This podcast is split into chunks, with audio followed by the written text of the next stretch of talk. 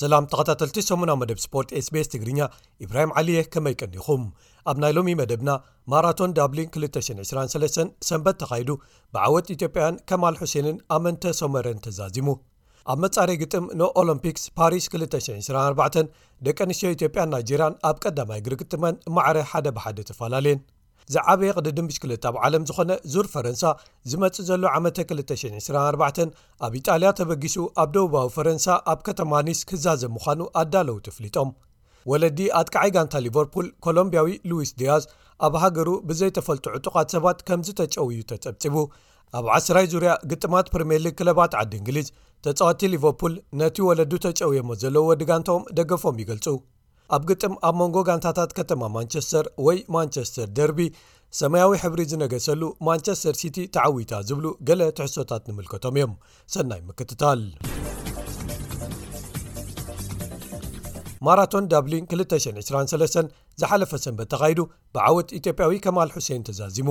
ከማል ነዚ ዓወት ዝተጓናጸፎ ቅድሚ ሕጂ ኣብ ዳብሊን ተመዝጊቡ ዝነበረ ክብሮ ወሰን ብምሕምሻሽን ኣብ ታሪኽ ናይዚ ውድድር ዝቐልጠፈ ግዜ 2 ሰዓትን 6 ደቕን 52 ካሊትን ብምምዝጋብን እዩ ንሱ ነቲ ኣብ 219 ብሞሮካዊ ዑስማን ኤል ጉምሪ ተታሒዙ ዝነብር ክብሮ ወሰን ብከባቢ ሓደ ደቂቕ ከመሓይሾ ክኢሉ እዚ ወዲ 20 ዓመት ኣትሌት ብተወሳኺ ኣብዚ ንኻልኣይ ግዜኡ ጥራይ ኣብ ዝተሳተፈሉ ኣብዚ ማራቶን ዓስቢ ዓወቱ ናይ 12,0000 ዩሮ ስልማት ተዋሂቡ ብወገን ደቂ ኣንስትዮ ኣብ ዝተኻየደ ተመሳሳሊ ውድድር ኣመንተ ሶሞረ ነጋሽ ካብ ኢትዮጵያ ክትዕወት እንከላ ኬንያዊት ጆን ኪፕያቲች ካልይቲ ወፅኣ ኣመንተ ነቲ ውድድር ካብ ፈለማ ክሳብ ዝዛዘም ሙሉእ ብምሉእ ብምቁፅፃር ኣብ መወዳእቱ 2ሳ26222 ደቂቕን ግዜ ምምዝጋብያ ዓወታ ከተረጋግፅ ዝኸኣለት ካልእ ኢትዮጵያዊት ገነት ሃበላ ዓብዱልቃድርካ ሳልሰይቲ ከም ዝወፀት ተፈሊጡሎ ብኻልእ ወገን ሰንበት ዝተኻየደ ማራቶን በይጂንግ ብዓወት ኢትዮጵያዊ ደሬሳ ገለታ ኡልፋታ ተዛዚሙ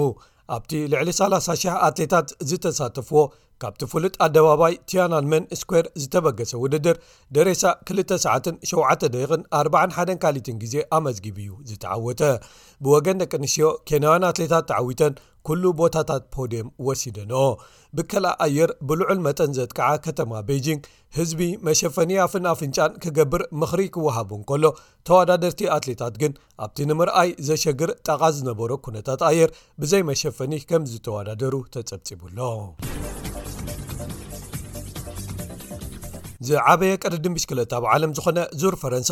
ዝመጽእ ዘሎ ዓመተ 224 ኣብ ኢጣልያ ተበጊሱ ኣብ ደቡባዊ ፈረንሳ ኣብ ከተማ ኒስ ክዛዘም ምዃኑ ኣዳለውቲ ኣፍሊጦም እቲ ከም ልሙድ ከተማ ፓሪስ መዛዘሚ እዩ ዝገብር እዚ ውራይ ብምኽንያት እቲ እታ ከተማ ንዓመታት ኣእንግዶ ግጥማት ኦሎምፒክስ ፓሪስ 224 መዛዘሚኡ ክቕይር ተገዲዱ ኣሎ ግጥማት ኦሎምፒክስ ፓሪስ ዙር ፈረንሳ ምስ ተጀመረ ድሕሪ ገለ መዓልታት እዮም ክጅመሩ እቲ ካልእ ለውጢ ዝተገብረ ንፈለማ ግዜ ኣብ ታሪኹ ዙር ፈረንሳ ካብ ከተማ ፍሎረንስ ኢጣልያ ክብገስ ምዃኑ እዩ እቶም ተቐዳደምቲ ኣብ ኢጣልያ ሰለስተ መድረኻት ድሕሪ ምቅድዳሞም ናብ መሬት ፈረንሳ ኣብ ራብዓይ መድረኽ ክኣትው እዮም ዙር ፈረንሳ ዝመጽእ ዘሉ ዓመት እምበኣር ብድምር ከባቢ 3500 ኪሎ ሜትር ብምሽፋን ካብ ሓምሊ 29 ክሳብ ንሓሰ 21 ክካየድ ምዃኑ ተጸብቲ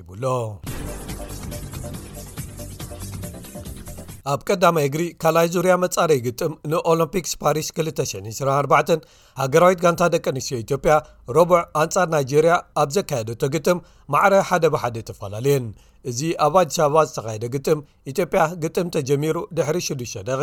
ብመንገዲ ብርቄ ኣማር ኣቢለን መሪሕነት ሒዘን እንተነበራ እኳ 6ዱሽ ደቂቕ ድሕሪ ዕረፍቲ ናይጀርያ ብሓለቐአን ራሽዳት ኣጂባደ ኣቢለን ማዕረ እትገብረን ሽቶ ኣመዝጊበን እዚ ውፅኢት ማለት ክልተኤን ሃገራት ኣብቲ ኣብ ኣቡጃ ናይጀርያ ዘካይድኦ ካልይ እግሪ ግጥም ዓብዪ ትፅቢት ዝግበረሉ ክገብሮ እዩ ድሕሪኡ ካብ ክልተኤን ዝተዓወተት ጋንታ ካብ ካሜሮንን ኡጋንዳን ምዝ ሰዓረት ክገጥማ እየን ሓለቓ ጋንታ ኢትዮጵያ ሎዛ ኣበራ ነታ ምስ ባርሴሎና ትፃወት ኮኸብ ኣጥቃዒት ናይጀርያ ኦሲሳት ኦሾላ ክትረኽባ ምኽኣላ ታሕጓስ ከም ዝፈጠረላን ሕልማ ከም ዝተጋህደላን ገሊጻ እቲ ውጽኢት ግጥመን ሓደ ብሓደ ማዕረ እንተ ተወደኢ እኳ ሎዛ ነዛ ኣብ ውሽጢ ሜዳ ኩዕሶ እግርን ካብ ሜዳ ወፃእን ኣርኣያ ዝኾነት ስፖርታዊት ኢላ ዝገለጸታ ኦሲሳት ምርካባ እግብቲ ከም ዝገበራ ገሊጻ ክልቲኤን ተጻወቲ ኣብቲ ክልቲኤን ሃገራት ዝመጽእ ሰሉስ ኣብ ናይጀርያ ተራኺበን ዘካይድኦ ካልኣይ እግሪ ግጥም ክራኸባየን ተጻወቲ ሃገራዊት ጋንታ ኢትዮጵያ ድሮ ኣብ ናይጀርያ ኣቴን ከም ዘለዋ ከኣ ተፈሊጡ ኣሎ ወለዲ ኣጥቃዓይ ጋንታ ሊቨርፑል ዝኾነ ኮሎምብያዊ ሉዊስ ዳያዝ ኣብ ሃገሩ ብዘይተፈልጡ ዕጡቓት ሰባት ከም ዝተጨውዩ ተጸብጺቡ። ብመሰረት ጸብጻባት ዝተፈላለዩ መራኸቢ ብዙሃን፣ ነዚ ወዲ 26 ዓመት ሉዊስ ኣዲኡ ኣብ ሓደ ባራንካስ ዝተባህለ ኣብ ሰሜናዊ ሸነኽ ናይታ ሃገር ዝርከብ ቦታ ከም ዝተረኽባ ፕረዚደንት ኮሎምብያ ጉስታቮ ፔትሮ ብመራኸቢ ሓፋሽ ኤክስ ወይ ትዊተር ተባሂሉ ዝጽዋዕ ዝነበረ ኣፍሊጡ። ወላዲ ኣቦኡ ግን ገና ከም ዘይተረኽበ ኣብ ዝጽብጸበሉ ዘሎ እዋን ሊቨርፑል ኣብ ዘውጽኣቶ መግለጺ ከኣ ብዛዕባ እቲ ክስተት ኣፍልጦ ከም ዘለዋን ድሕነት ሉዊስ ዳያዝ ቀዳምነት ትህቦ ምዃኑን ኣፍሊጣ። እቶም ወለዲ ብሞተር ብሽክለታ ዝመጹ ዕጡቓት ሰባት ክወስድዎም እንከለዉ ኣብ ሓደ መዐደሊ ነቝጣ ነዳዲ ነይሮም።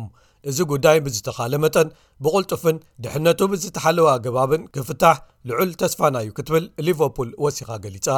ኣሰልጣኒ ሊቨርፑል የርገን ክሎፕ ንዅላህና እዚ ኵነታት ኣሻቓሊ እዩ ኢሉ ኣብ ዝገለጸሉ እዋን ሊቨርፑል ኣብቲ ሰንበት ዝነበራ ግጥም ኣንጻር ኖቲንግሃም ፎረስት ንሉዊስ ዳያስ ከም ዘየካተተቶ ተፈሊጡ ፈደሬሽን ኩዕሰ እግሪ ኮሎምብያ ንሉዊስን ስድራ ቤቱን ሓገዝ ከም ዝገብረሎም ኣፍሊጡ ኣሎ ሉዊስ ኣብ ዝሓለፈ ዓመት እዩ ካብ ፖርቱጋላዊት ጋንታ ፖርቶ ናብ ሊቨርፑል ዝተጸንበረ ንሃገሩ ኮሎምብያ ኸኣ ክሳብ ሕጂ 43 ግዜ ተሰሊፉ ከም ዝተጸዋተ ጸብጻባት ኣመልኪቶም እዚ ከምዚ ኢሉ እንከሎ ኣብ መበል ዓሰራይ ዙርያ ግጥማት ፕሪምየር ሊግ ዓዲ እንግሊዝ ተጻዋቲ ሊቨርፑል ነቲ ወለዱ ተጨውዮሞ ዘለዉ ወዲ ጋንታኦም ሉዊስ ዳያዝ ደገፎም ኣብ ዝገለጽሉ ግጥም ኣንጻር ኖቲንግሃም ፎረስት ዲያጎ ጆታ ዳርዊን ኑነዝን መሓመድ ሰላሕን ሽቶታት ኣመዝጊቦም ሰለስተ ባዶ ተዓዊቶም ኣሰልጣኒ የርገን ክሎብ ከኣ ድሕሪ እቲ ግጥም ኣብ ዝሃቦ መግለጺ ኣንጻር ኖቲንግሃም ፎረስት ክንዕወት ኢልና ብዘካየድናዮ ጻዕሪ ንሉዊስ ዳያስ ክንሕግዞ ፈቲና ኢና ክብል ገሊጹ ኣብቲ ዝዓበየ ግጥም ናይዚ ሰሙን ዝነበረ ግጥም ኣብ መንጎ ጋንታታት ከተማ ማንቸስተር ወይ ማንቸስተር ዳርቢ ኣርሊንግ ሃላንድ ክልተ ሽቶታት ኣመዝጊቡን ሓንቲ ሽቶ ትኸውን ኩዕሶ ከኣ ንፊል ፎደን ኣቐቢሉን ሲቲ ብዓብላሊ ኩነታት ሰለስተ ባዶ ተዓዊቶም ድሕሪዙ ዓወቶም ማንቸስተር ሲቲ ከተማ ማንቸስተር ሰማያዊ ሕብሪ ክዕብልላ ገይሮም ኣለው ዩናይትድ ከኣ ዝኸፍአ ምጅማር ኣብ ታሪክ ፕሪምየር ሊግ እታ ክለብ ዝኾነ ሓሙሽተ ግዜ ተሳዒሮም ኣለው እዚ ክሳብ ክንደይ ንታሕቲ ኣንቆልቂሎም ኣለው ኣጉሊሑ ዘረኣየ ውፅኢት እዩ ክብሉ ብዙሓት ገሊፆሞ ብናህሪ ትምሪ ዘላ ኣስቶን ቪላ ንሉተንታውን ብገፊሕ ሰለስተ ብሓደ ብምስዓር ግስጋስኣ ንላዕሊ ኣብ ተርታ ፕሪምየር ሊግ ዓዲ እንግሊዝ ክትቅፅል እንከላ ኤቨርተን ንለንደን ከይዳ ንዌስትሃም ኣብ ሜዳኣ ሓደ ባዶ ስዒራታ ኣብዚ ግጥም እንግሊዛዊ ኣጥቃዓይ ዶሚኒክ ካልቨርት ሉዊን መበል ሓምሳ ሽትኡ ኣብ ፕሪምየር ሊግ ኣመዝጊቡ ኤቨርተን ድሕሪ እዚ ዓወት ካብ ዞና ወራዶ ንታሕቲ ወይ ሬሊገሽን ዞን ናይ ሓሙሽተ ነጥቢ ክፍተት ብምፍጣር ድሕነታ ከተረጋግጽ ትሸባሸባላ ኣብ ግጥም ኣብ መንጎ ጋንታታት ምዕራብ ከተማ ለንደን ቸልሲን ብሬንትፈርድን ቸልሲ ኣብ ሜድኦም ንሳለሳይ ተኸታታሊ ዓመቶም ብብሬንትፈርድ ዝተሳዕርሉ እቲ ግጥም ክልተ ባዶ ተዛዚሙ ደገፍቲ ጋንታ ቸልሲ ኣብ ምዝዛም ናይቲ ግጥም ቁጣዐኦም ዝገለጹሉኻ ጸቕጢ ኣብ ልዕሊ ኣሰልጣኒ ሞውሪስዮ ፖቸቲኖ እናወሰኸ ይኸይድ ኣሎ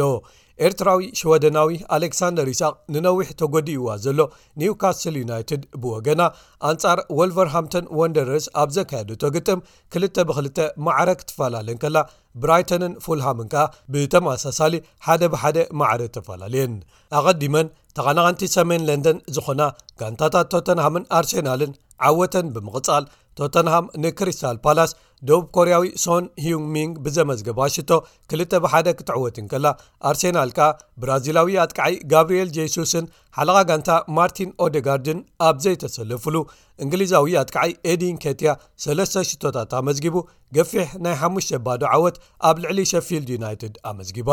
ክሳብ ሕጂ ተኻይዶም ኣብ ዘለዉ ዓሰርተ ዙርያ ግጥማት እምበኣር እተን ኣብ ዝተሓቱ ሰለስተ ተርታታት ዝርከባ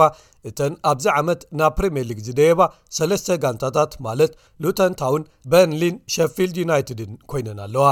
ኣብ ላዕሊ ግን ቶተንሃም መሪሕነታ ክትዕቅብን ከላ ማንቸስተር ሲቲን ኣርሴናልን ብክልተ ነጥብታት ፍልልይ ኣብ ካልኣይን ሳልሳይን ተርታታት ይርከባ ሊቨርፑልን ኣስቶን ቪላን ሓደ ሓደ ነጥቢ ድሒረን ኣብ ራብዓይን ሓምሻይን ተርታታት ክስርዓ እንከለዋ ኒውካስትል ዩናይትድ ሻድሻይ ማንቸስተር ዩናይትድ ሻሙናይ ቸልሲ ከኣ መበል 11 ተርታ ሒዘን ኣብ ምንቁልቋል ከም ዝርከባ ተፈሊጡ ኣሎ